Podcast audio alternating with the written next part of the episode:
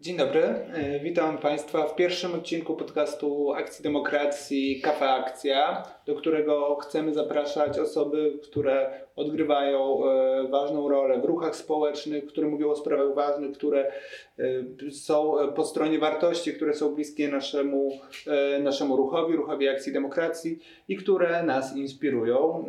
Ja się nazywam Bogumił Kolmasiak, a pierwszą gościnią naszego podcastu będzie Jana Szostak, aktywistka, artystka, właściwie artywistka, e, polsko-białoruska, czy białorusko-polska w zasadzie, bo działająca na dwóch frontach, w dwóch krajach, e, zaangażowana w walkę o prawa człowieka, w feminizm, w walkę o klimat, w te wszystkie rzeczy, które tak naprawdę dzisiaj no, są kluczowe i fundamentalne, ale dzisiaj spotkamy się w związku z tym, co się dzieje na Białorusi, w Białorusi. Białoruś znowu jest na y, ustach całego świata. Jest to związane e, z zatrzymaniem, e, z przymusowym lądowaniem i zatrzymaniem samolotu z dziennikarzem i aktywistą e, Ramanem Pratasiewiczem e, i podstępnym pojmaniem e, tej osoby przez reżim Aleksandra Łukaszenki. Dziś wiemy, że E, Raman najprawdopodobniej był e, bity, torturowany, że wymuszono na nim e, złożenie oświadczenia. Chciałem Ciebie zapytać, czy co wiemy o sytuacji, o sytuacji Ramana, czy ma on szansę w ogóle na jakikolwiek sprawiedliwy pro, proces, czy jest szansa, że jeżeli świat będzie mówił, świat będzie głośno krzyczał, Łukaszenka go uwolni? Mm, myślę, że nie. Stąd też ten krzyk rozpaczy i beznadziei bo mm, moim skromnym zdaniem, a nie jestem żadną ekspertką, tylko osobą, która nie jest obojętna e, i działa jak tylko potrafi, mm, to pewnie taki miał być spektakularny przykład światu kolejnego posunięcia granic dyktatury. e,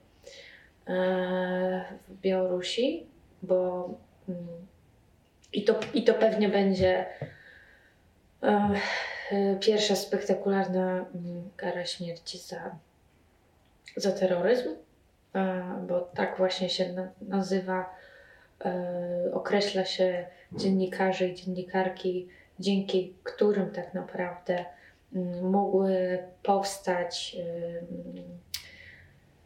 zwyczajne osoby, bo to oni, Roman i jeszcze reszta innych osób e, założyła, hmm, założyła kanały na Telegramie przede wszystkim i pokazało e, ludziom z Białorusi, że oni też mogą być współtwórcami, współtwórczyniami e, w ogóle kanału informacyjnego.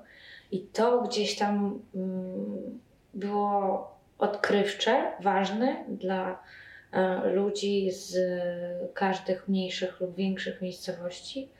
E, I, no i właśnie, jakby jaką rolę tutaj pełnił Raman? Nie był zdecydowanie terrorystą, tylko e, no, osobą dającą możliwości.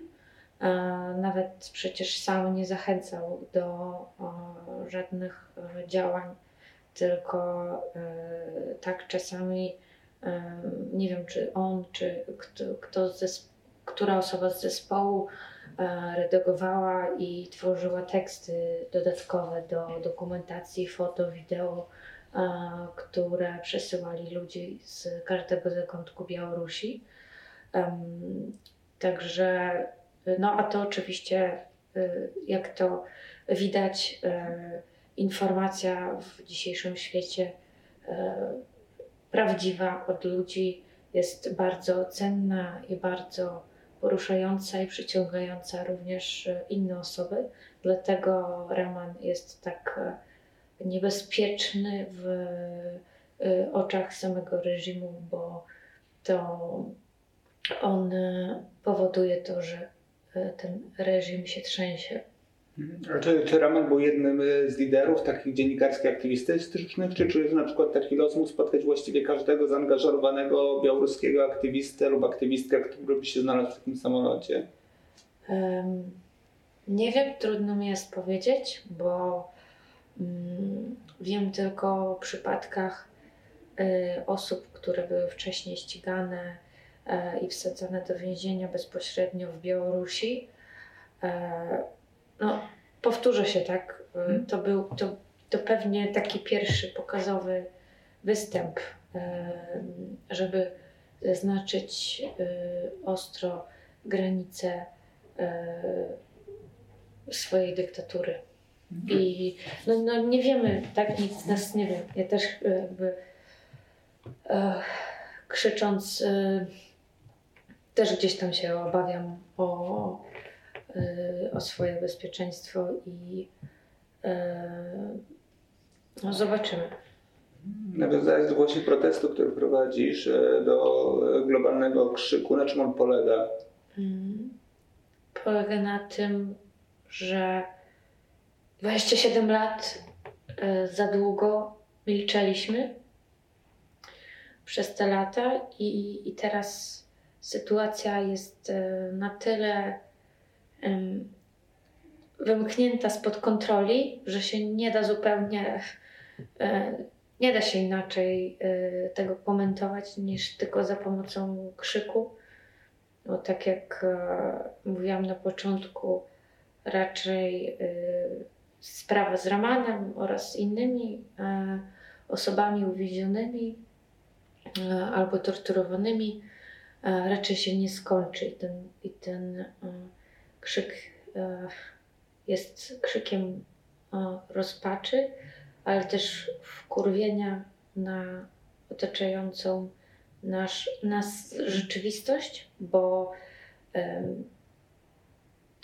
te obietnice, które są w słowach, które są równie poruszające, jak na, podczas spotkania w, przedstawicieli Unii Europejskiej, e, ale to nadal są słowa, to nie są czyny, to nie są realne działania i e, zobaczymy, jak, jak to się potoczy. Oczywiście, może jest to jakaś szansa, jest to jakiś kolejny zwrotny punkt. I ja też to potraktowałam, e, bo wszystko się zaczęło od konferencji prasowej, na którą zaprosiła mnie Agata Diduszko z Robertem Biedroniem. I w, tym, w tamtym momencie chciałam nie mówić tylko ja jako ja, tylko w imieniu setek e, tysięcy tak naprawdę osób, którzy pomagają i wspierają na różne sposoby osoby zmuszone do ucieczki z Białorusi e, do krajów Unii Europejskiej, przeważnie do Polski. I wiem, widziałam, słyszałam ich rozpacz i też pytałam się przed tą konferencją prasową, e, co ja mogę powiedzieć, jakie najważniejsze punkty, e, które według nas są ważne i widoczne, mm, co ja mogę e, wybrzmieć przez te mhm. mikrofony. I no oczywiście ta pierwsza rzecz, najbardziej popularna odpowiedź wśród osób, czyli zaostrzenie sankcji ekonomicznej, zaprzestanie w ogóle współpracy na poziomie eksport, eksportu, jak i importu z Białorusią, e, bo nadal to trwa, nadal się dzieje e, ta sytuacja i, nie jest to jakaś marginalna sprawa, tylko ma, ma duży, duży zasięg, nawet jakby jest bardzo szeroka.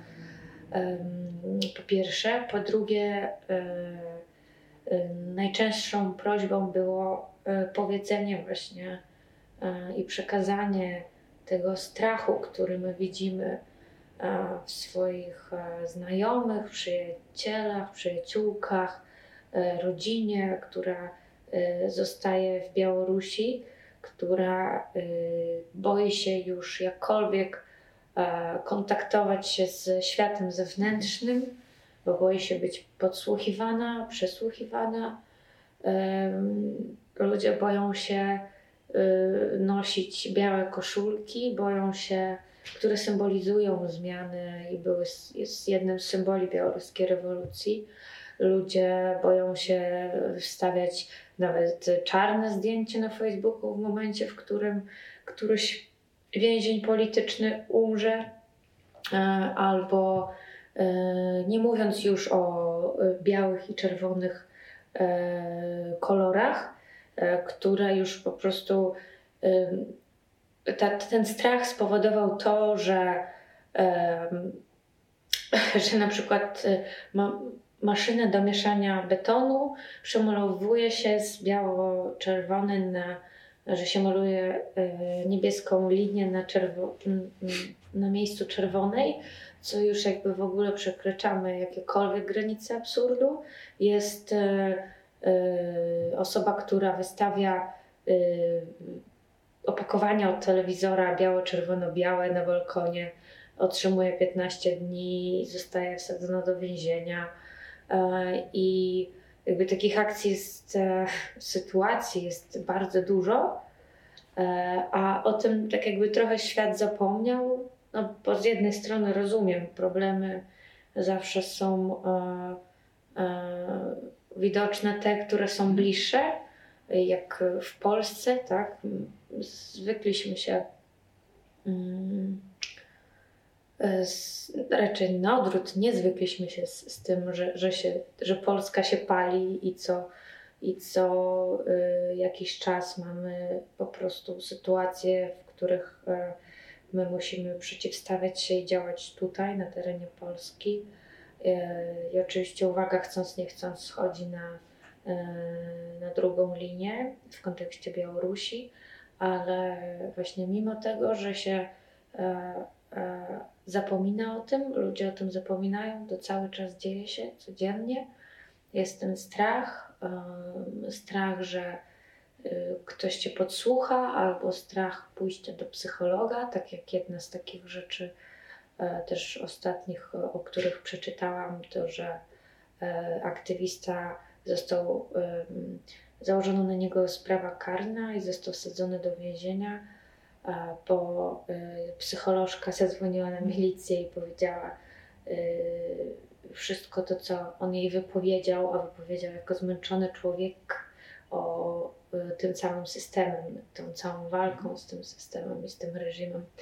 Także jakby ten, to, to, to była druga rzecz, o której najczęściej mnie proszono. Um, ostatnia rzecz, którą też chciałam przekazać, no to ten poziom emocjonalności, który każdy i każda nieobojętna osoba z Białorusi, czy to solidarna z Białorusią jest, że my żyjemy w emocjonalnym rollercoasterze każdego dnia. Normalnie po prostu e, nie trzeba oglądać Netflixa, mhm. żeby wystarczy e, budzić się rano, otwierać e, komputer, telefon i widzieć, że, że coś ponownie się stało, że, że właśnie został uprowadzony e, samolot.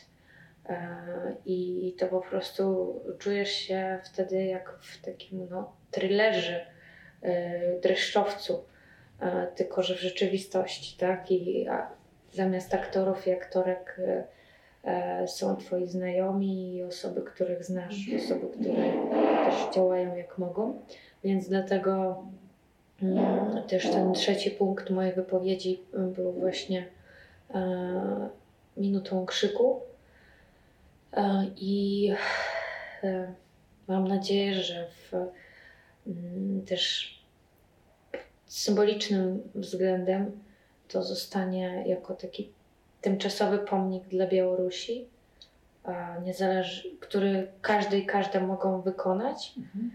Mm, z dodatkiem właśnie hashtagu Global Scream. A dlaczego hashtagu? Bo ostatnio po, tej, po tym wypowiedzeniu, po, tej, po tej wymowie, przymowie, zdałam sobie sprawę, że bardzo dużo E, osób do mnie e, napisało z Białorusi. i że, no, że podziękowali za to, że mm, ktoś krzyczy za nich i w ich imieniu w momencie, w którym oni nie mogą tego robić. I to myślę, że ten hashtag będzie możliwością po prostu do odnalezienia w mediach społecznościowych mm. przez ludzi e, i kumulowanie tego krzyku naraz. E, z tego co wiem, mm, też różne osoby już zaczęły w Sopocie, w Toruniu, e, krzyczały w Warszawie, też dołączają się, bo ja cały czas jestem E, i kontynuuję tą minutę krzyku każdego dnia. E, jak mówię, do końca rewolucji i o jeden dzień dłużej, żeby zwracać uwagę nieustająco, w sposób symboliczny jednocześnie próbować też tym krzykiem mm, zachęcić osoby, które E, chcą pomagać, ale nie wiedzą jak e, osobom z Białorusi e, zmuszonym do ucieczki, bo takich osób jak Roman są setki, tysiące. Części udało się uciekać, uciec i i tutaj potrzebują też takiego wsparcia nie tylko jednorazowego, tylko e, bardziej długoterminowego? No właśnie, jakiego, jakiego wsparcia na przykład państwo polskie mogłoby udzielić e, e, Białorusinkom, Białorusinom, którzy, którzy żyją, uciekają przed represjami reżimu w Polsce, ale też zwykli ludzie? Zwykli ludzie mogą pomagać na Hmm. Zaraz próbuję sobie wyobrazić, co jest ważne, a co ważniejsze, bo tych e, ofert jest bardzo dużo. E, po pierwsze, no oczywiście mm, każda osoba może się zwrócić do mnie bezpośrednio. E, ja jestem mm, obecna w mediach właśnie między innymi dlatego, żeby przyciągać ludzi chętnych do pomocy i przekierowywać tam, gdzie trzeba i ja jestem y, tak zwaną, y, nie wiem, y, określam siebie jako reprezenterkę oddolnych mhm. inicjatyw, e, które działają właśnie z poczucia solidarności, czy to jeżeli chodzi, mam kontakt z poszczególnymi kilkuosobowymi grupami ludzi w różnych miastach w Polsce i za granicą, tak i również z bardziej z organizowanymi strukturami, jak e, nieformalna, mm, anonimowa działająca grupa partyzanka, e, tak i z Fundacją Humanosz, e, która właśnie też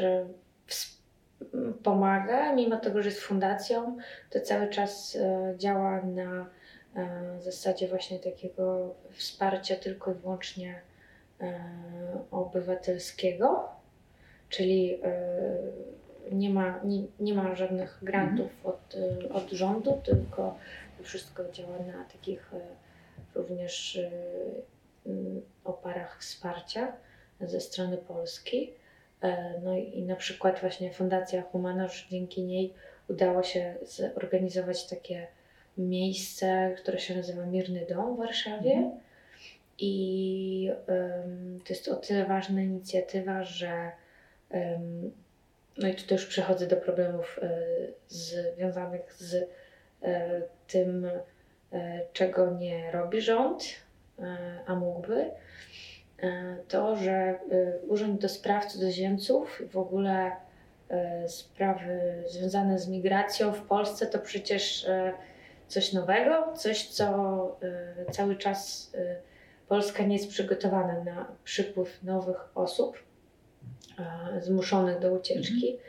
Cały czas ten system jest e, e, za no, zbalansowany, powiedziałabym. I e, na przykład, jeżeli chodzi o, o taką pierwszą kwestię, kiedy mm, każda osoba, która ubiega się o status ochrony międzynarodowej, prędzej czy później musi dotrzeć do Urzędu do Spraw Cudzoziemców w Warszawie.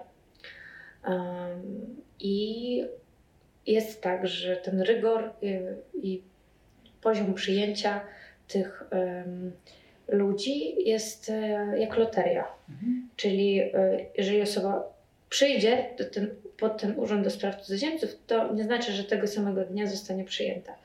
E, telefoniczna, jakakolwiek komunikacja nie istnieje, nie można się zarejestrować online albo telefonicznie, dlatego osoby przychodzą, stoją w kolejce, nie są przyjmowane albo są przyjmowane z rejestracją na za dwa tygodnie albo na za tydzień. No i wtedy taka osoba, która y, nie posiada środków, bo musiała uciekać przed służbami specjalnymi tu i teraz w ciągu 5-10 minut i nie zdążyła posprzedawać wszystkie, wszystkiego swojego majątku. I, no i ta osoba y, nie ma gdzie się podziać, tak? I właśnie po to jest ten już wyżej wspomniany Mirny Dom, e, żeby takie osoby e, mogły mieć miejsce na takie tymczasowe e, prze, prze, przenoclegowanie. Tak. tak? I, no i to są właśnie takie drobne rzeczy, które są no, w świetle takiej logicznej, mm, nie wiem, myśli zupełnie no, śmieszno-straszne, prawda? Bo, bo z jednej strony, że o, co, co to w ogóle jest, co to jest za problem, ale z drugiej strony e, po tym, jak e, ja osobiście spotkałam dwóch, e, dwie osoby, które przez przypadek dosłownie, bo odprowadzałam na dworzec swoich przyjaciół i tutaj nagle się okazało, że dwie osoby po prostu siedzą i nocują już tutaj noc, bo właśnie e, nie, przyję, nie przyjął ich Urząd do Spraw Cudzoziemców, więc po prostu e, takie sytuacje e, no, są jakby nie do, nie do przyjęcia. Dlaczego nie ma tymczasowego miejsca dla takich osób i takie osoby muszą być tymczasowo bezdomne z przymusu to, to taka jedna może drobniejsza kwestia. Jedna taka większa kwestia i, i w ogóle um, jeżeli mówimy o pomocy osobom zmuszonym do ucieczki, to jest brak w ogóle jakiegokolwiek e, e, informowania, jakiegokolwiek informatora, przestrzeni um, informacyjnej, chociażby czy to w postaci e, konsultacji telefonicznej, także nie ma może to jest moje myślenie jako realistki, która żąda niemożliwego, ale infolinia. Osoba przyjeżdża na Straż Graniczną, tylko przekracza teren, znajduje się na terenie Polski. Bardzo proszę, żeby na, e, w okienku przy kontroli paszportowej był numer telefonu dla osoby mówiącej po rosyjsku, białorusku, która mogłaby się zapytać o różne kwestie związane z tym, co dalej, e, bo mm, no, ty, ty... Póki co pracownicy Urzędu do Spraw Cudzoziemców czy Straży Granicznej nie mówią w języku rosyjskim ani białoruskim, nie ma możliwości jakby łatwego uzyskania Tak, to też, to też, po pierwsze. Po drugie takie rzeczy typu jak, e, i to właśnie też tym się zajmuję jako taka reprezenterka mhm. tych oddolnych inicjatyw, to wtedy, kiedy trzeba krzyczeć y, albo jakby znać swoje prawa, to, to wtedy wchodzę ja e, i na przykład mm, y, jednym z moich zadań jest wywalczenie darmowej kwarantanny, co tak naprawdę e, tylko i wyłącznie chodzi o to, że Straż Graniczna Polska nie jest poinformowana, że y, musi odbyć zwyczajną procedurę, zadzwonić do Centrum Zarządzania Antykryzysowego danego województwa, podać y, numer paszportu, numer wizy, imię i nazwisko y, osoby, która przy okienku mówi, że ja nie mam miejsca na darmową, na w ogóle, ja nie mam miejsca na kwarantannę, e, proszę udzielić mi kwarantanny, tak? I e, wyszło takie rozporządzenie mówiące o tym, że osoby po wizie humanitarnej lub ubiegające się o status ochrony międzynarodowej mogą właśnie tak, taką mhm. darmową kwarantannę otrzymać i za nią właśnie um, um, płaci, idzie to ze środków województwa. I um, co się okazuje, że y, ta ustawa jest napisana w tak niezrozumiały sposób, że y, ani, i Straż Graniczna jest pogubiona, i Centrum Zarządzania Antykryzysowego jest pogubione, i w momencie, w którym e, współpracując z e, partyzanckim oddziałem prawniczek, otrzymuje informację o tym, że tak na podstawie tego i tego artykułu tej, tej ustawy y, jest prawo i te osoby mogą ubiegać się i po prostu powiedzieć, potrzebuję tej darmowej kwarantanny. I potem jakby się zaczyna jakby ten długi proces, który y, przy pierwszych sześciu przypadkach trwał po prostu y, godzinami. Raz jedną osobę zostawiono po prostu na lotnisku nocować, żeby, no bo mhm. Y, straż nie wiedziała do końca co jak i tak dalej. A potem jakby odkryłam to, że wystarczy zadzwonić, bo już każda zmiana Centrum Zarządzania Tygrysowego już wiedziała o co chodzi. E, już ze wszystkimi po kolei się, się, się dyplomatycznie wykłóciłam i e, okazuje się, że na przykład um, ja po prostu otrzymując kontakty, informacje od, dla, dla tych osób, dla tych osób załatwiam darmową kwarantannę, telefonując bezpośrednio do Centrum Zarządzania Kryzysowego.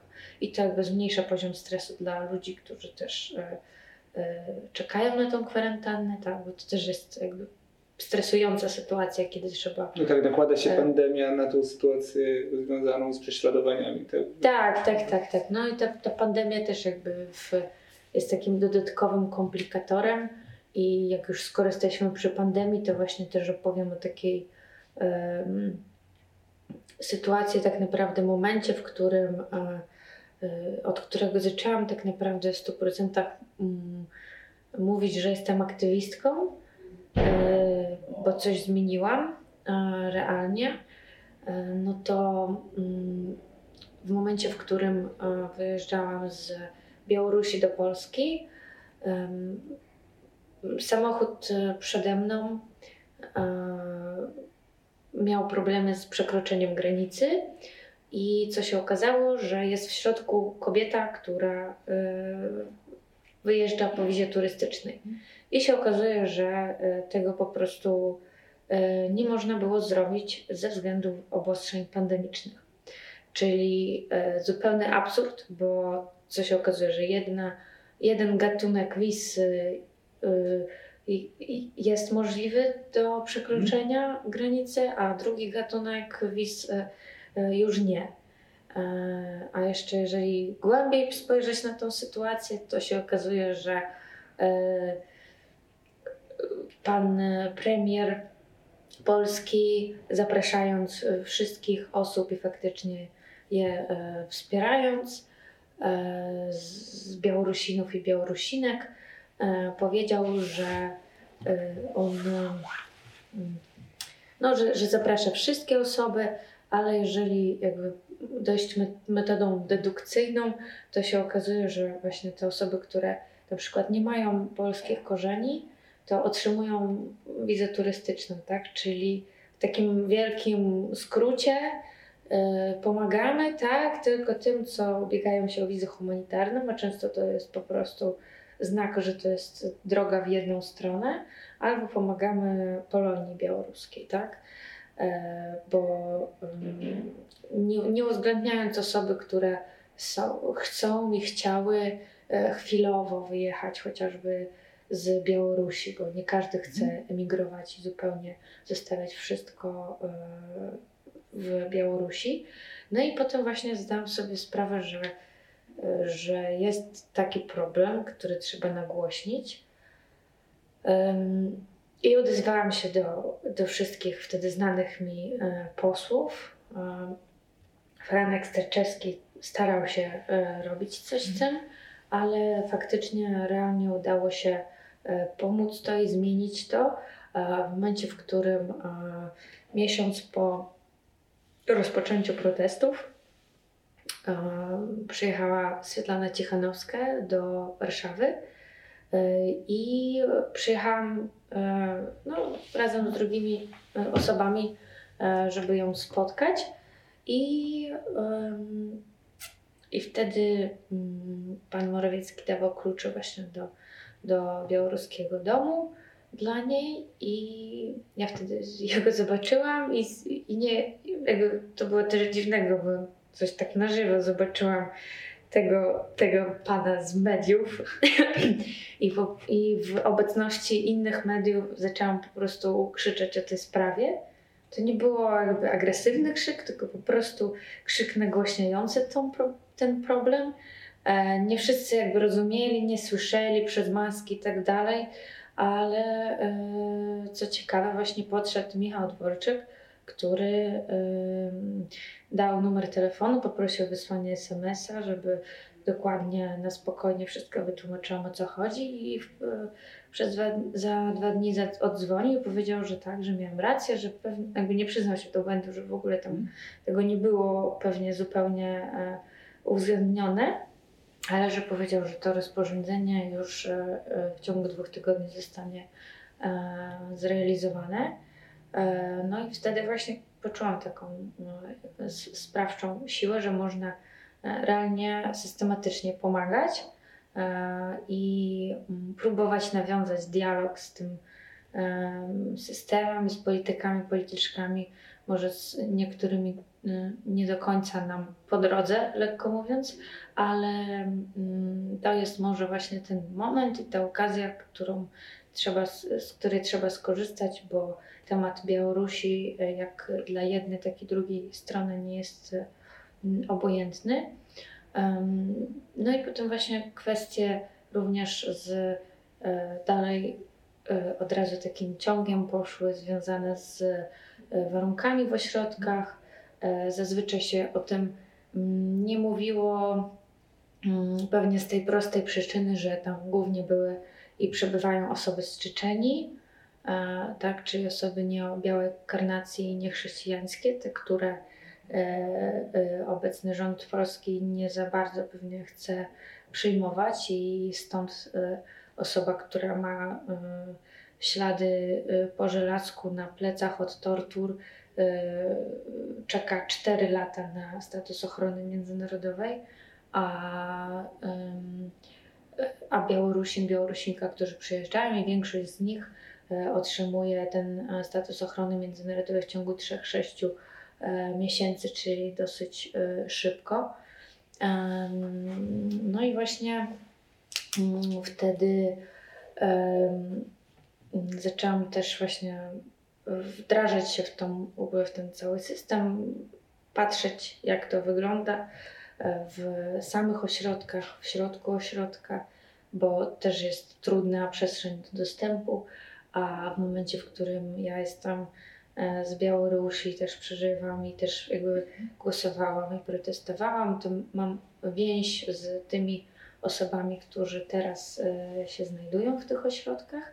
Stąd też oni mi mogli na zasadzie zaufania e, wysłać anonimowo zdjęcia, filmy, które mogłam później użyć do nagłośnienia w mediach tej sprawy, co też jakby dla mnie jest ważne właśnie taka współpraca z mediami, żeby, żeby nagłaśniać i robić poważnymi te sytuacje, które nie, nie zostały poważnie przyjęte przez Urząd do Spraw Cudzoziemców chociażby, tak, bo, bo, mm, bo po którymś razie, piątym chyba, udało się dodzwonić do zastępcy dyrektora do spraw e, cudzoziemców, który tak wysłuchuje, tak y, odpowiada y, szybko, ale gdzieś tam y, tego systemowego rozwiązania do końca nie dokonuje, powołując się na to, że nie jest sam, tak, że, jakby, że są inni przedstawiciele, inni naczelnicy, którzy,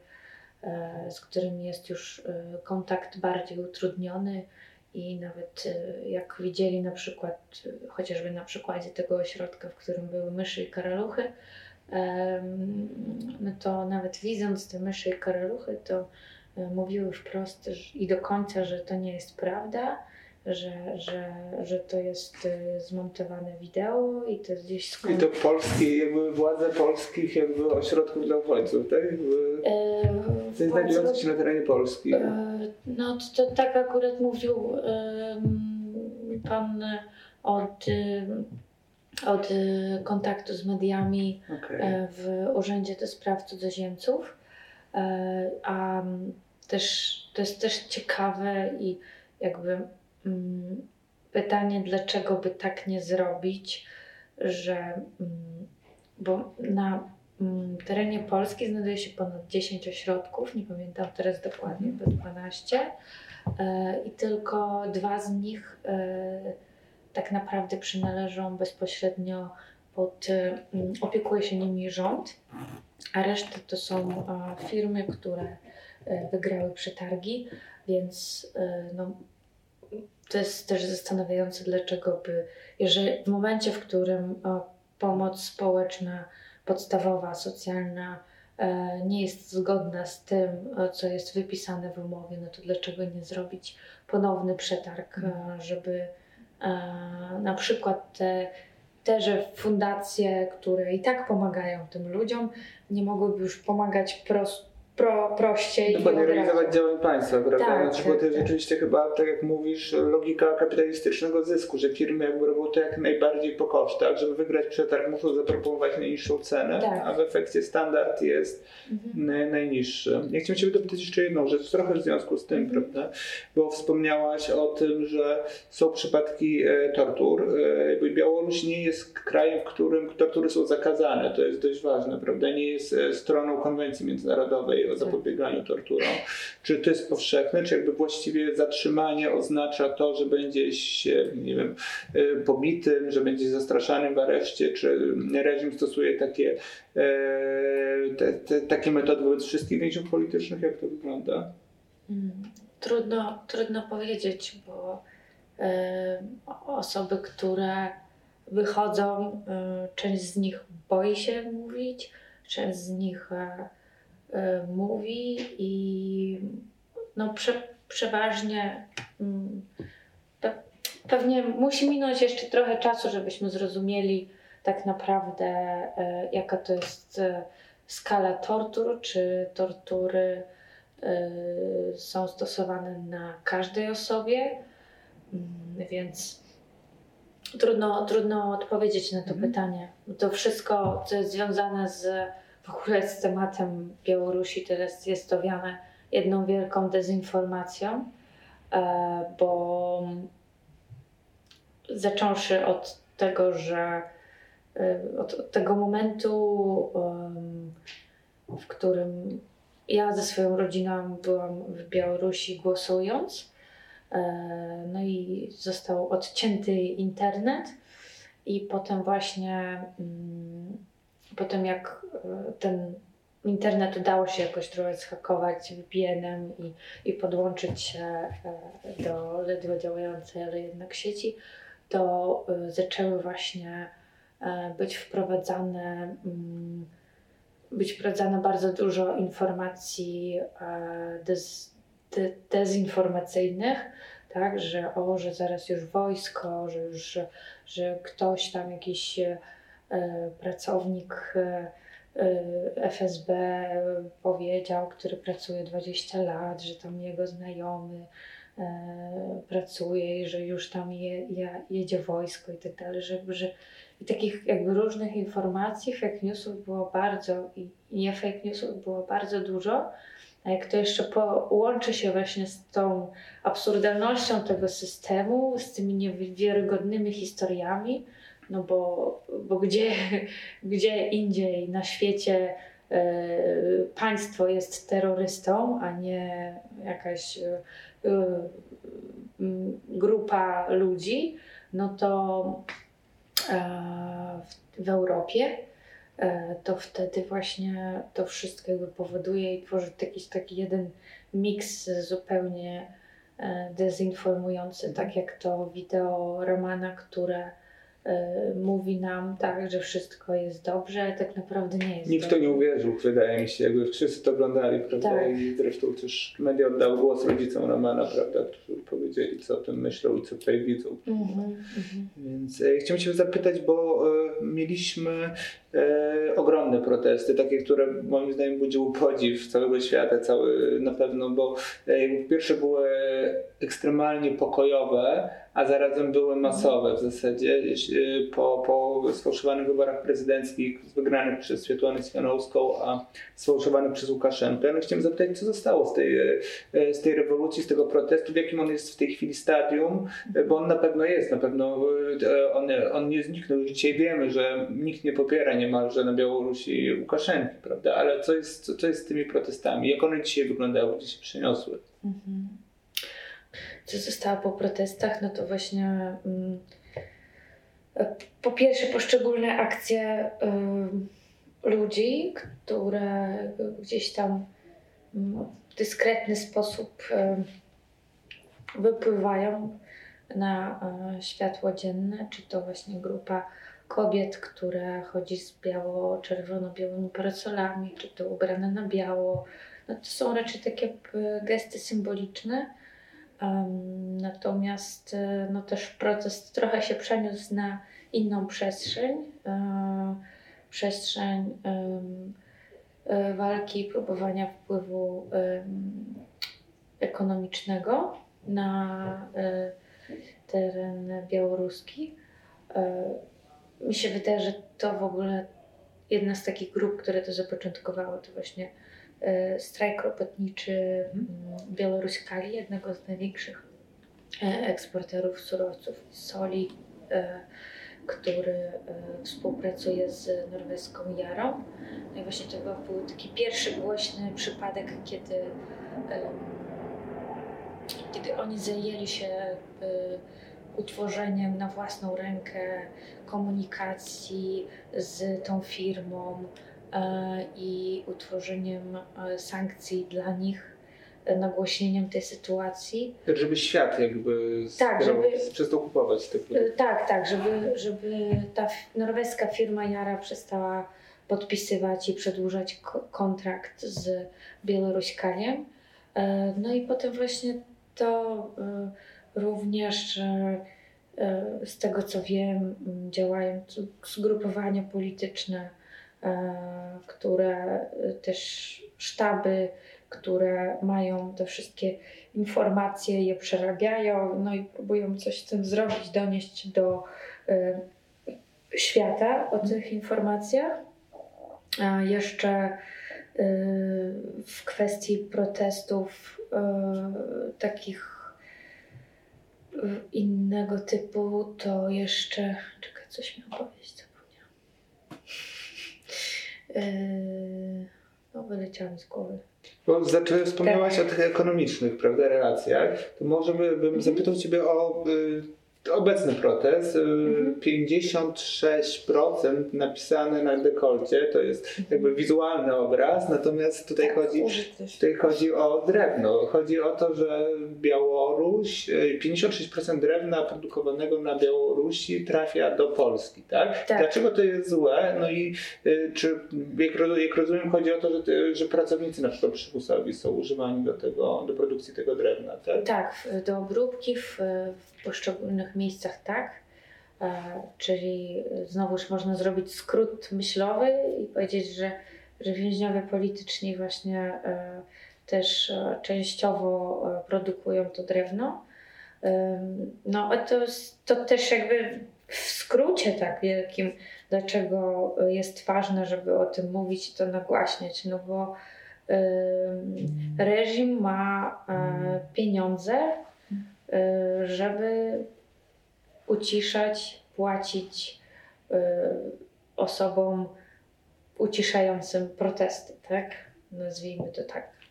No, czyli tym Łamistrajkom trochę też. Tak, tak, tak. Pracownikom K- KGB, tym jabaćkom, u nas się mówi jabaćka, tak, czyli ten e, e, gatunek człowieka, który jest za Łukaszenką, albo kiedy mu się płaci, to idzie na protest. Łukaszenka to jest baćka, tak? Jakby, on jest No dla nich tak. tak, dla nich tak. Dla nich tak, no. Ym, więc to. No i z tego prostego powodu, y, w momencie, w którym y, dyktatura będzie miała pieniądze, to będzie prosperowała.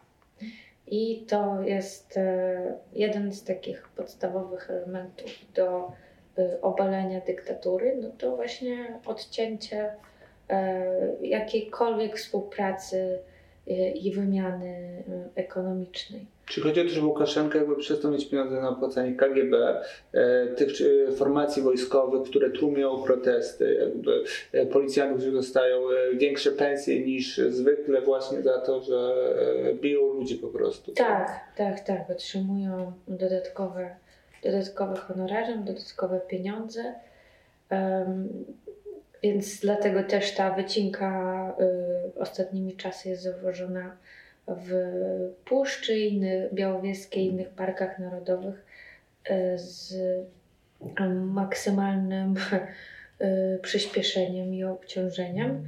Z tego prostego powodu, że że próbują znaleźć miejsce, gdzie można jeszcze y, otrzymać pieniądze za y, sprzedawanie surowców. No bo Białoruś sama z siebie nie posiada aż tak dużo tych surowców. Również y, takim, mm, takim głośnym, mm, wydaje mi się i ważnym do powiedzenia e, momentem jest to, że białoruskie firmy posiadają córki firmy polskie, odpowiedniki. Jest e, ich około 15. Mm, I to nie tylko produkcja drewna, to e, produkcja lnu, produkcja ubrań, produkcja e, mm, gastronomiczna, więc produkcja budowlanych materiałów, już nie wspominając o ropie naftowej, która już jest jakimś oddzielnym, mm, ogromnie dużym na skalę światową To tematem. jest e, te- temat też Orlenu, prawda? Jakby, który Tak. próbuje kupić jedną, jedną z firm naftowych białoruskich. E, Tak, i Bill, mm, Bill Oil Polska, która okazała się właśnie na, na dniach, otrzymałam taką prośbę, mogę, mogę ją tak na żywo przetłumaczyć, zaczytać, bo jest e, po rosyjsku i to o, że jest prośba o poinformowaniu polskich polityków i przedstawicieli służb specjalnych o pracy firmy Bell Oil Polska SPZOO, która pracuje pod kontrolą e, KGB e, Białorusi. Tutaj na terenie E, Polski jeszcze tak, chciałbym... tak, tak. super. Jest wiadomo, że ona funkcjonuje z 2010 roku w Warszawie pod przykrywką e, firmy po handlu e, e, ropą naftową.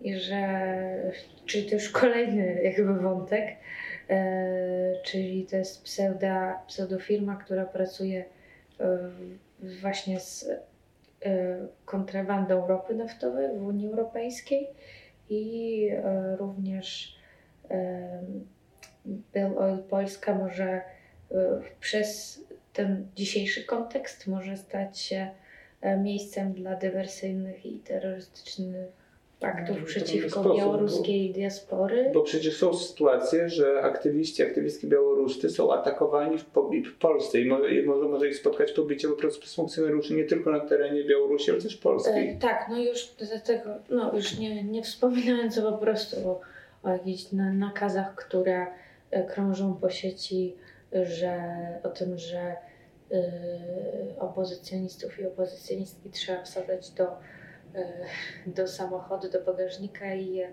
przywozić do Białorusi, więc e, no, pod tym względem jest, e, jest to straszna sytuacja.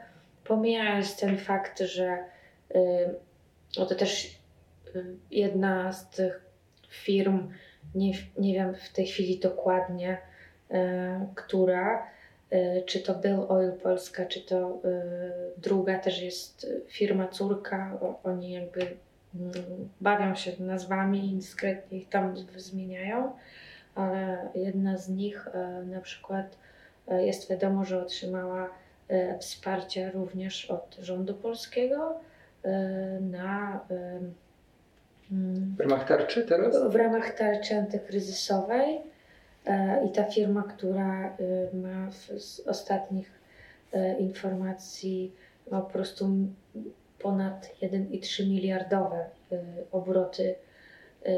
Także to, to jest też niezrozumiałe, dlaczego mm, w Polsce jest pewnego rodzaju hipokryzja, że z jednej strony, że jest wsparcie, że jest jak, jakie jest, takie jest, ale jest to mhm. wsparcie y, dla osób z Białorusi, bo na terenie y, innych sąsiadujących krajów Polska wypada najlepiej. Najczęściej ludzi też y, przyjeżdżają, bo warunki są lepsze do funkcjonowania, możliwości podjęcia pracy itd. Tak ale z drugiej strony no, cały czas istnieje ta współpraca ekonomiczne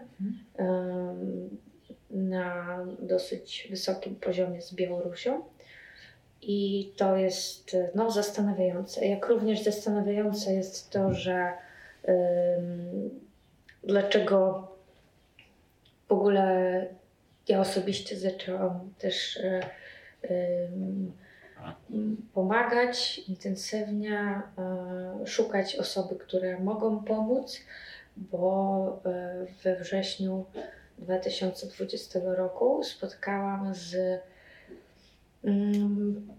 pierwszymi czterema ofiarami po torturach e, na żywo, którzy pokazywali mnie tak bezpośrednio połamane kręgosłupy i główna organizacja, która e, jest wspierana przez obecny rząd w Polsce, i która funkcjonuje od 10 lat, czyli Białoruski Dom, nie udzieliła e, pomocy, nie udzieliła żadnego nawet informacyjnego wsparcia.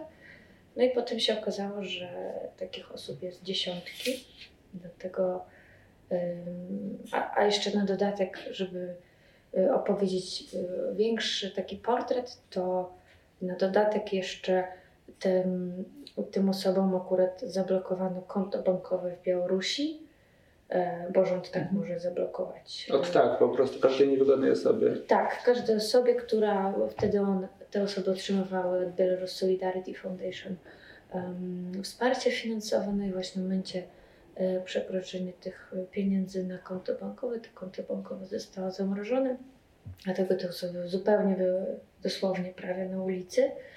E, I, I dlatego właśnie tak zaczęłam po znajomych zbierać i, wołać, e, co kto może zrobić. I tak też doszłam właśnie do, do tej fundacji e, Humanosz, też Kasi Skopyc, która z kolei jest, po, ja, ja wierzę i wierzę w jej motywację mhm. i szczere intencje, bo ona jest wnuczką osoby, która uratowała 39 Żydów od śmierci w trakcie II wojny światowej przez ich przechowywanie w piwnicy. E, sama ma do, dwie adoptowane córki z Tybetu i ja po prostu wiem, że e, no i ona przyjęła też w swoim bezpośrednim domu ponad 40 osób łącznie, zanim e, mhm. ten system pomocy został wypracowany i, i współ, we współpracy też z innymi oddolnymi inicjatywami. I no i właśnie to, to, to też taki przykład tego, że jak to jest możliwe, tak? Że, że z jednej strony pomagamy, a z drugiej strony tak naprawdę jest to jakiś miraż pomagania, tak naprawdę, a nie realnego, systemowego utworzenia struktury, która y, mogłaby wspierać i pomagać y, realnie osobom. Właściwie z jednej strony jest kwestia takiej bezpośredniej pomocy, a z drugiej nacisku. I Robert Biedroń w ostatnim wywiadzie mówił o tym, że jest pewien opór jakby na poziomie Unii Europejskiej przed nakładaniem zbyt daleko idących sankcji, prawda? Znaczy, że na przykład tylko 80 osób jest objętych osobistymi sankcjami funkcjon najwyższych tak. funkcjonariuszy reżimu, a ci, którzy na przykład są, nie wiem, średniego szczebla hagibistami, mogli do tej pory wlatywać w Europę, robić tutaj interesy. Mówi się też o roli oligarchów, prawda, którzy wydają dużo pieniędzy po prostu, czy na Cyprze, czy handlując z innymi państwami. Jak to wygląda? Czy tak. Unia Europejska podejmuje wystarczające działania działania Twoim zdaniem wobec um, przedstawicieli reżimu? No, no, zdecydowanie nie. Też od początku, dlatego też e, we wrześniu zaczęłam krzyczeć przed siedzibą Europarlamentu e, w Warszawie, bo wydawało mi się, że tak, że te, wtedy chyba też było kilkadziesiąt osób, mm. tak, że to już było zdecydowanie za mało.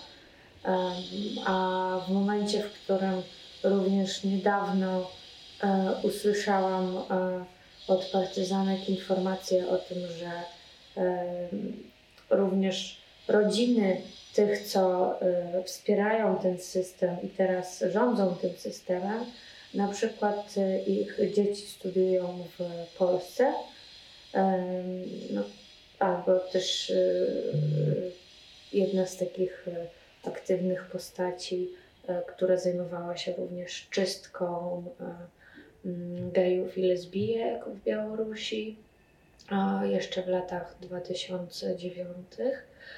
E, no to właśnie też e, jej, jego córka tutaj studiuje, więc jakby czy, czy etyczne to jest? Nie wiem. E, czy etyczne to jest też wywierać nacisk na rodziny, tak? Że... To są bardzo pytania, też pytanie, jaką postawę te osoby prezentują, prawda? Tak, tak, tak. No, no chciałabym się z nimi spotkać i zobaczyć i się zapytać.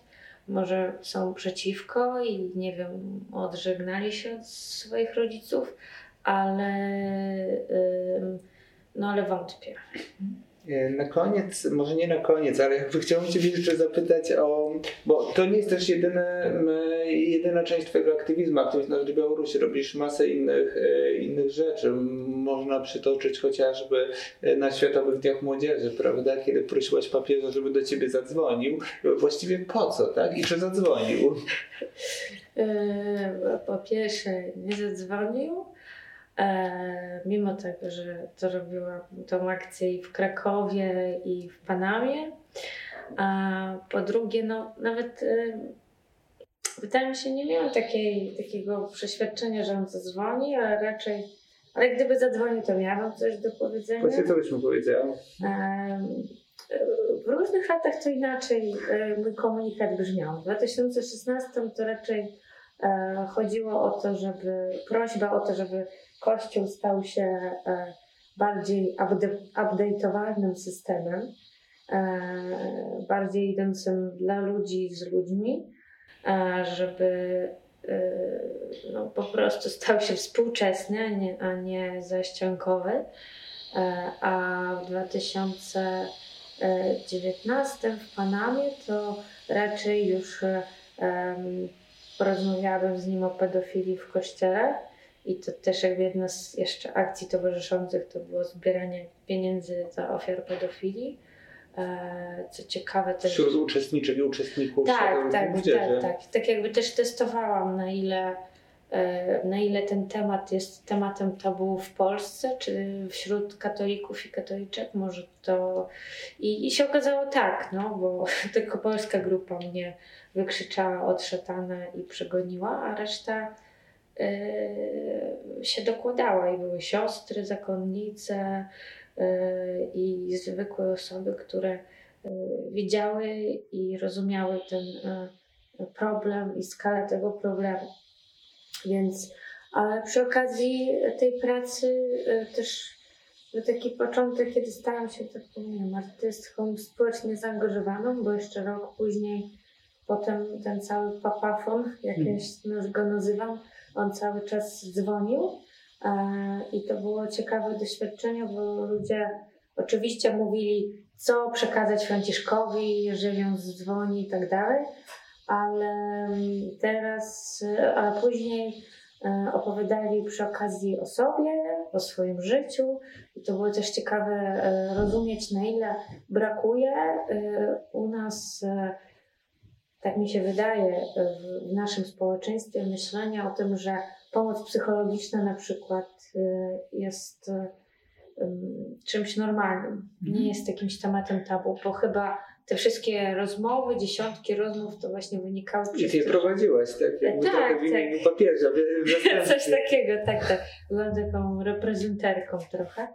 Um, no, a teraz, teraz to raczej bym, e, jakbym miał zadzwonić Franciszek, to, to chciałabym go skonfrontować z tymi ponad 100 osobami, którzy których uczucia religijne on obraził w Polsce i które, no a też, to już też jest e, oddzielny temat, trudno, trudno wytłumaczyć na pewno osobie nie z Polski, właśnie tak jak przyjeżdża osoba z Białorusi i próbuje zrozumieć tutaj kontekst, jakby co jak się dzieje, co, co kto jest, po której stronie, tak, które, e, gdzie, gdzie są ci na lewo, na prawo, po środku po prostu E, e, oczy im z gałek wypadają, jak nagle coś tam właśnie odbywają się jakieś burze typu właśnie yy, zauważyli cycki zamiast tego, że, że, że się krzyczą Białorusi dla Tak, Białorusi. to też jest niesamowite, ale z drugiej strony jakby ta krytyka, która ciebie spadła ze strony polityków, e, jak z polityczki w zasadzie jednej, no jakby tylko pomogła nagłośnić chyba tą sprawę, prawda, że chodzi o Białoruś jednak. Tak, tak, tak. No to jest ta sprawa związana z, tym, mm, z tą moją sukienką zdecydowanie jest też takim... Mm, pretekstem i takim przykładem do tego, na ile można też ten mm, jakiś dziwny komentarz slash e, tą dodatkową falę, którą, e, którą przyniosł mi mój, mój dekolt, e, prze, prze, przetranslatować na e, coś, co może być przydatne dla Białorusi, bo teraz mam nadzieję właśnie ruszy akcja y, Dekolt dla Białorusi, gdzie każda osoba nieobojętna może e, napisać e, treść na najbardziej e, wątpliwym i medialnym miejscu, jak się okazuje, u ciała kobiety. Ale no, tak żarty żartami, ale tak na serio to jest trochę przykre, że, że cały czas po ponad 100 latach praw wyborczych i wydawałoby się już tego feminizmu na takim poziomie, gdzie możemy przynajmniej nosić co chcemy i wyglądać jak chcemy.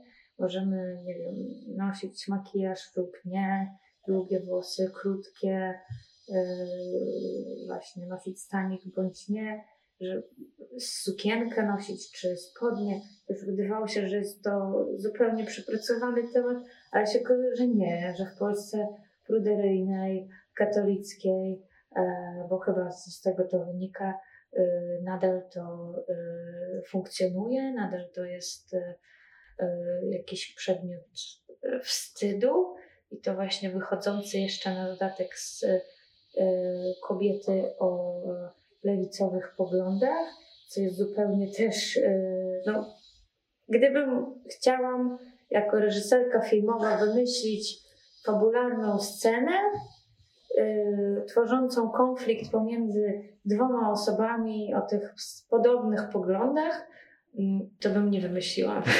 tak, Zabrakło w gruncie rzeczy, w gruncie rzeczy jest to dość absurdalne. Chciałbym Cię zapytać o jedną rzecz, jakby, bo jakiś czas temu wniosłeś do debaty publicznej w Polsce, prawda, słowo nowa, które zastępuje słowo uchodźca i czy się przyjęło? Czy jakby już e, mówi się o nowakach, czy spotykasz się z tym, że ludzie w zupełnie nieoczywistych sytuacjach używają tego określenia i skąd to w ogóle się wzięło? Mhm. Tak, no właśnie, o tutaj zaraz reklama, będzie mhm. lokowanie. Mhm. E, to się wzięło z roku 2016, e, w momencie, w którym e, cała Europa doświadczyła kryzysu migracyjnego. Jako osoba nieobojętna i w sumie gdzieś tam podobna, tak, bo ja też wyemigrowałam z Białorusi do Polski, tylko że po edukację. zrozumiałam, że muszę jakoś zadziałać, muszę, muszę coś z tym zrobić, pomóc w niematerialny sposób, tak, bo nie miałam pieniędzy na tyle, żeby wszystkich, wszystkim pomóc, wszystkich, wszystkimi się opiekować, dlatego postanowiłam postanowiłam zrobić badanie. Mm, chodziłam po ośrodkach dla cudzoziemców, żeby rozmawiać z ludźmi, zapytać się, czego oni by chcieli. Zadałam im właśnie pytanie, co ja mogę zrobić, jeżeli nie mam pieniędzy, e, a chcę pomóc. E, tak, w taki bardziej jakiś systemowy sposób, może nawet symboliczny. No i okazało się, że spotkałam e, chłopaka z Czeczeni, trzynastolatka, który akurat wracał ze szkoły i powiedział, że w sumie to chyba chciałby, e, żeby na niego przestali nazywać uchodźca, bo mu się wydaje, że przez to, że jest nazywany uchodźcą, to właśnie po tym jak narysował karabin, to musiał iść do psychologa, a później do, do nie wiem, policjanta czy jakiegoś straży. No tak, stereotypy zadziałały. Tak, tak, tak, żeby, żeby ten, a jego przyjaciel Polak y, właśnie narysował również ten karabin i nic mu się nie stało. No i wtedy y, zaczęłam pytać ludzi, czy to słowo faktycznie jest negatywnie nacechowane, jak oni uważają, bo ja też wiedziałam intuicyjnie, podejrzewałam, że to jest negatywnie nacechowane słowo od właśnie roku 2015-16, kiedy to polska rządowa telewizja y, właśnie wprowadzała taką narrację, tak pamiętasz tą słynną okładkę z Gazety Polska, y, tak, uchodźcy zabiorą nam y, właśnie no, nazistowska moim zdaniem w, tak, w sumie. Tak, i tak dalej, więc no i tam była taka narracja gdzieś tam między słowami zawsze, zawsze przyjmowana. No i wtedy postanowiłam zebrać taką grupę e, złożoną z 13 osób, poetów, e, socjologów, esperantystki e, i samych Nowaków i Nowaczek z Konga, Syrii, Czeczeni, Nigerii, Ukrainy. I wspólnie właśnie gdzieś tam zasiedliśmy za stołem i wśród tak wybieraliśmy to nowe słowo zastępcze i tym słowem właśnie był Nowak, homonim najpopularniejszego nazwiska w Polsce. E, I, mm, no i potem właśnie poszła fala medialna, też taka mało spodziewana e, najpierw. I mm, po tej fali zrozumiałam, że tak naprawdę to nie jest praca dla e, nowo przybyłych osób, to jest praca przede wszystkim dla Polek i Polaków, żeby zrozumieć, że w sumie poniekąd każdy z nas jest Nowakiem i Nowaczką, bo y, etymologia tego najpopularniejszego nazwiska w Polsce, jedna z wersji mówi o tym, że w średniowieczu, jak y, jeden chłop uciekał od jednego dzierżawcy do drugiego, to był nazywany Nowakiem.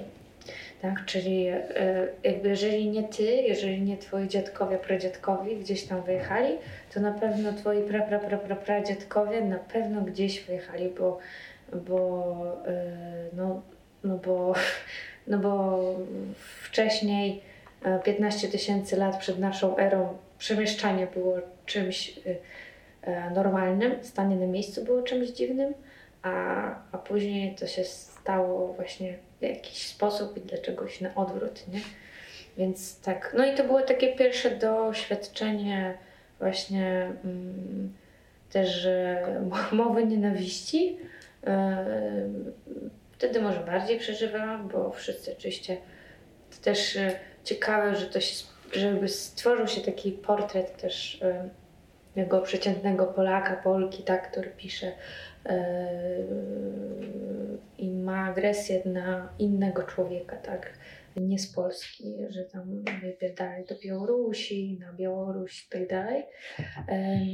Ale potem mm, udało mi się nabrać e, dystansu i nawet z niektórymi osobami takimi porozmawiać, bo też chodzi o to w mojej praktyce artystycznej, aktywistycznej, żeby podejmować dialogu z tym człowiekiem, który nie tylko jest po Twojej stronie, nie tylko jesteś z nim na jednej łódce, tylko no, próbować właśnie wyleść, wyleść za, y, za to bezpieczne, fajne środowisko, w którym jesteś, żeby zrozumieć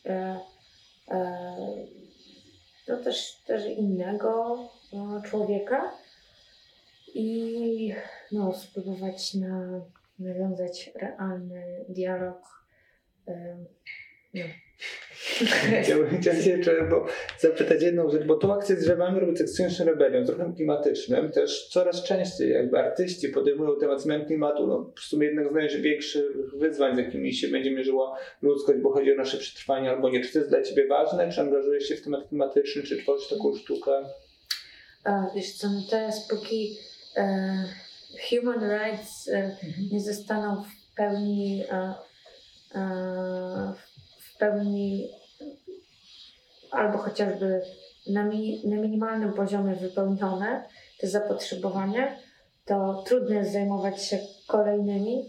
E, ja się akcentuję teraz na tym, ale jeżeli właśnie przy okazji, tak jak właśnie z tymi 56%, tak, jeżeli przy tej okazji jest szansa na również e, zasygnalizowanie e, w tym kontekście i współpracy z ruchem e, działającym na rzecz dla klimatu, to jak najbardziej, bo właśnie to też chodzi o to, żeby łączyć siły i żebyśmy my razem mogli w różnych sprawach z poczucia solidarności walczyć, bo ostatecznie oczywiście to katastrofa klimatyczna jest e, no, najbardziej globalnym pewnie problemem, jakiekolwiek da się wymyślić. Dlatego on chcąc, nie chcąc dotyczy nas wszystkich. E, I, i dlatego warto mm, no, na, na różny możliwy e, sposób e, wspierać i jak się ma tą część uwagi dla Extinction Rebellion w szczególności, też trzeba przyznać, że to jest jedna z takich odruchowo działających, zorganizowanych struktur w momencie, w którym jeszcze dosłownie w, tym samym dniu, chyba wczoraj, powiedziałam właśnie o, o tej wycięce rasy, to już od razu jakby zostało e, zrobione tam wydarzenie, przyszły osoby, e, dalej e, już zaczęły media pytać e, tylko na przykład w kontekście te, tej wycinki, więc e, trzeba przyznać, że to jest e, dobrze działająca struktura, no i oby, oby takich ludzi było też więcej. Wtedy mm, może e, ten głos zostanie e, usłyszany e, poważniej, bardziej. Tak, bo tak jakby dlaczego też cały czas my musimy walczyć o to wszystko, bo generalnie problem jest taki, że ludzie z góry, ludzie z rządu nie rozumieją problemów oddolnych, hmm. życiowych, tak jak właśnie te, które przytaczałam na początku. To są jakieś drobne, drobne rzeczy typu właśnie brak informacji. Łatwe do rozwiązania, prawda? Tak. Odrobinie woli politycznej. Tak, tak. Odrobinie woli politycznej można by było zrobić nawet przy tym, że Urzędzie do Spraw Cudzoziemców na pewno taką inicjatywę wolontariuszy, wolontariuszek, które by na, za swój koszt mogłoby nawet pomagać i wspierać, tylko jest kwestia organizacji, koordynacji tego, utworzenia struktury.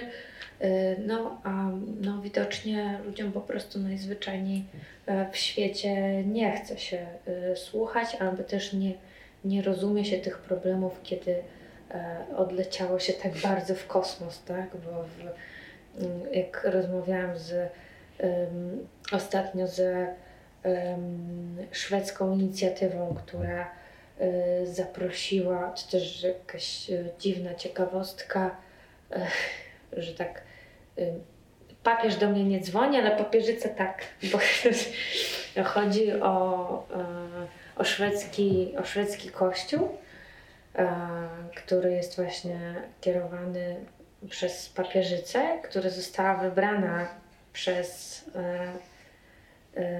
Wierne, wierne? Tak, tak, osoby. tak, tak. Po prostu przez, przez osoby, bo e, no, tam ten proces wygląda u nich jak po prostu jak wybory prezydenckie. No i ona zaproponowała działanie na, rozłożone na 5 lat, które by mogło uregulować problem e, migracji, e, jakby procesów związanych z migracją, tak, bo w efekcie teraz Szwecja stoi u bardzo dużego y, problemu o szybkiego powrotu y, neonacjonalistycznych mhm. partii, a i to jest związane z właśnie z, również z dużą migracją, z podziałami w mieście, bo z utworzeniem gett, tak, bo to, to inaczej trudno nazwać. No i właśnie ten szwedzki kościół e, e, postanowił e, zaprosić wszystkie osoby, niezależnie od wiary, płci, wyznania, niewyznania, ateizmu, po prostu wszystkie aktywne osoby na, na taką na taką placówkę, która łączy wszystkich aktywistów, aktywistek z, związanych z migracją z różnych krajów, które y, spotykają się, dzielą się swoimi zapotrzebowaniami, ale też jakimiś sugestiami. E, no i ta platforma ma właśnie być taką testową platformą wsparcia dla również aktywistów i aktywistek i docelowo w 2022 roku w Brukseli każdy przedstawiciel ze swojego kraju ma powiedzieć o, o problemach, które e, są w jego kraju i ponadto jeszcze delegacja razem z tą aktywistą, aktywistką przyjeżdża do Ministerstwa Spraw Zagranicznych, e, żeby się kontaktować. No i to też właśnie jest utworzone z, w takim celu, żeby te osoby z góry rozumiały i poważnie przyjmowały ten tak. głos z dołu. Te konferencje przyszłości Europy, nie? To już działa w ten sposób. Tak, tak, tak, tak, tak, tak, tak. No tak, to już, to już jest. W Polsce cały czas to jest nowość. W Polsce cały czas to jest e, coś, co, co można rzadko gdzie spotkać, tak? No chyba, że właśnie krzycząc bezpośrednio e, i e, przybiegając. Chociaż też trzeba przyznać, że gdyby nie mm, też zaangażowanie samej Agaty Diduszko w sprawy białoruskie, gdyby nie ten przypadek, kiedy y, ta konferencja prasowa odbyła się niecały tydzień przed tym mm, momentem, kiedy przyjęła mnie e, w biurze i e, wysłuchała mm, mnie przez ponad dwie godziny właśnie e, z moich propozycji rozwiązania na poziomie ogólnoeuropejskim, ogólnokrajowym, mm, miejskim. I gdyby też nie to, to już to też nie znalazłabym się na tej konferencji prasowej, na którą ona mnie zaprosiła i też mój głos nie był usłyszany. Więc to, to są takie pierwsze, pierwsze półkroki, które, e, które robią politycy i polityczki i ważne to jest i mam nadzieję, że też kiedyś w przyszłości będziemy mieć taki rodzaj polityki, kiedy każdy poseł, posłanka, osoba działająca e, w rządzie polskim będzie musiała raz w tygodniu wysłuchać e, przedstawiciela, przedstawicielkę oddolnej inicjatywy, żeby za bardzo nie wyletywać w kosmos ze swoimi pomysłami. No, no, właśnie teraz jak kończy się pandemia, będziemy na pewno zachęcać ludzi do spotykania się z posłami, posłankami w różnych sprawach, bo też jakby akcja demokratycznym ruchem, który łączy różne, mm. różne sekcje, różne tematy właśnie od praw człowieka przez klimat, przez sprawiedliwość społeczną i myślę, że też mm, w tej walce, którą prowadzą Białorusini, Białorusinki, e, wiele naszych aktywistek, aktywistów bardzo chętnie by się w nią włączyło, więc e, myślę, że jeszcze nie raz e, się spotkamy wspólnie w działaniu. Tak, super. No tak, a jeszcze też zachęcam e, słuchaczy, słuchaczek, jeżeli oglądaczy, oglądaczek. E, tak, jeżeli ktokolwiek ma chęć pomocy, a nie wie jak, to e, proszę się zwracać do mnie. Ja nie gryzę i doprowadzę do odpowiednich osób, którym jest potrzebna pomoc i jestem no, z racji bycia artystką, kreatywnych pomysłów na pomoc mi nie zabraknie. Jest ich wręcz e, po prostu e, bardzo dużo. O. Gościnią e, Studia Akcji Demokracji była Jana Szostak, artystka, aktywistka, doktorantka, działaczka na rzecz demokratycznych przemian na Białorusi, na rzecz praw uchodźców i uchodźczyń, na rzecz pozytywnej zmiany osoba, która walczy o te rzeczy, które nam są bliskie. Ja Ci bardzo dziękuję i za Twój aktywizm, i za dzisiejsze spotkanie i mam nadzieję, że doszukamy się wolnej i demokratycznej Białorusi już wkrótce. Oj tak. Żywie Białoruś. Żywie Białoruś. Dziękujemy.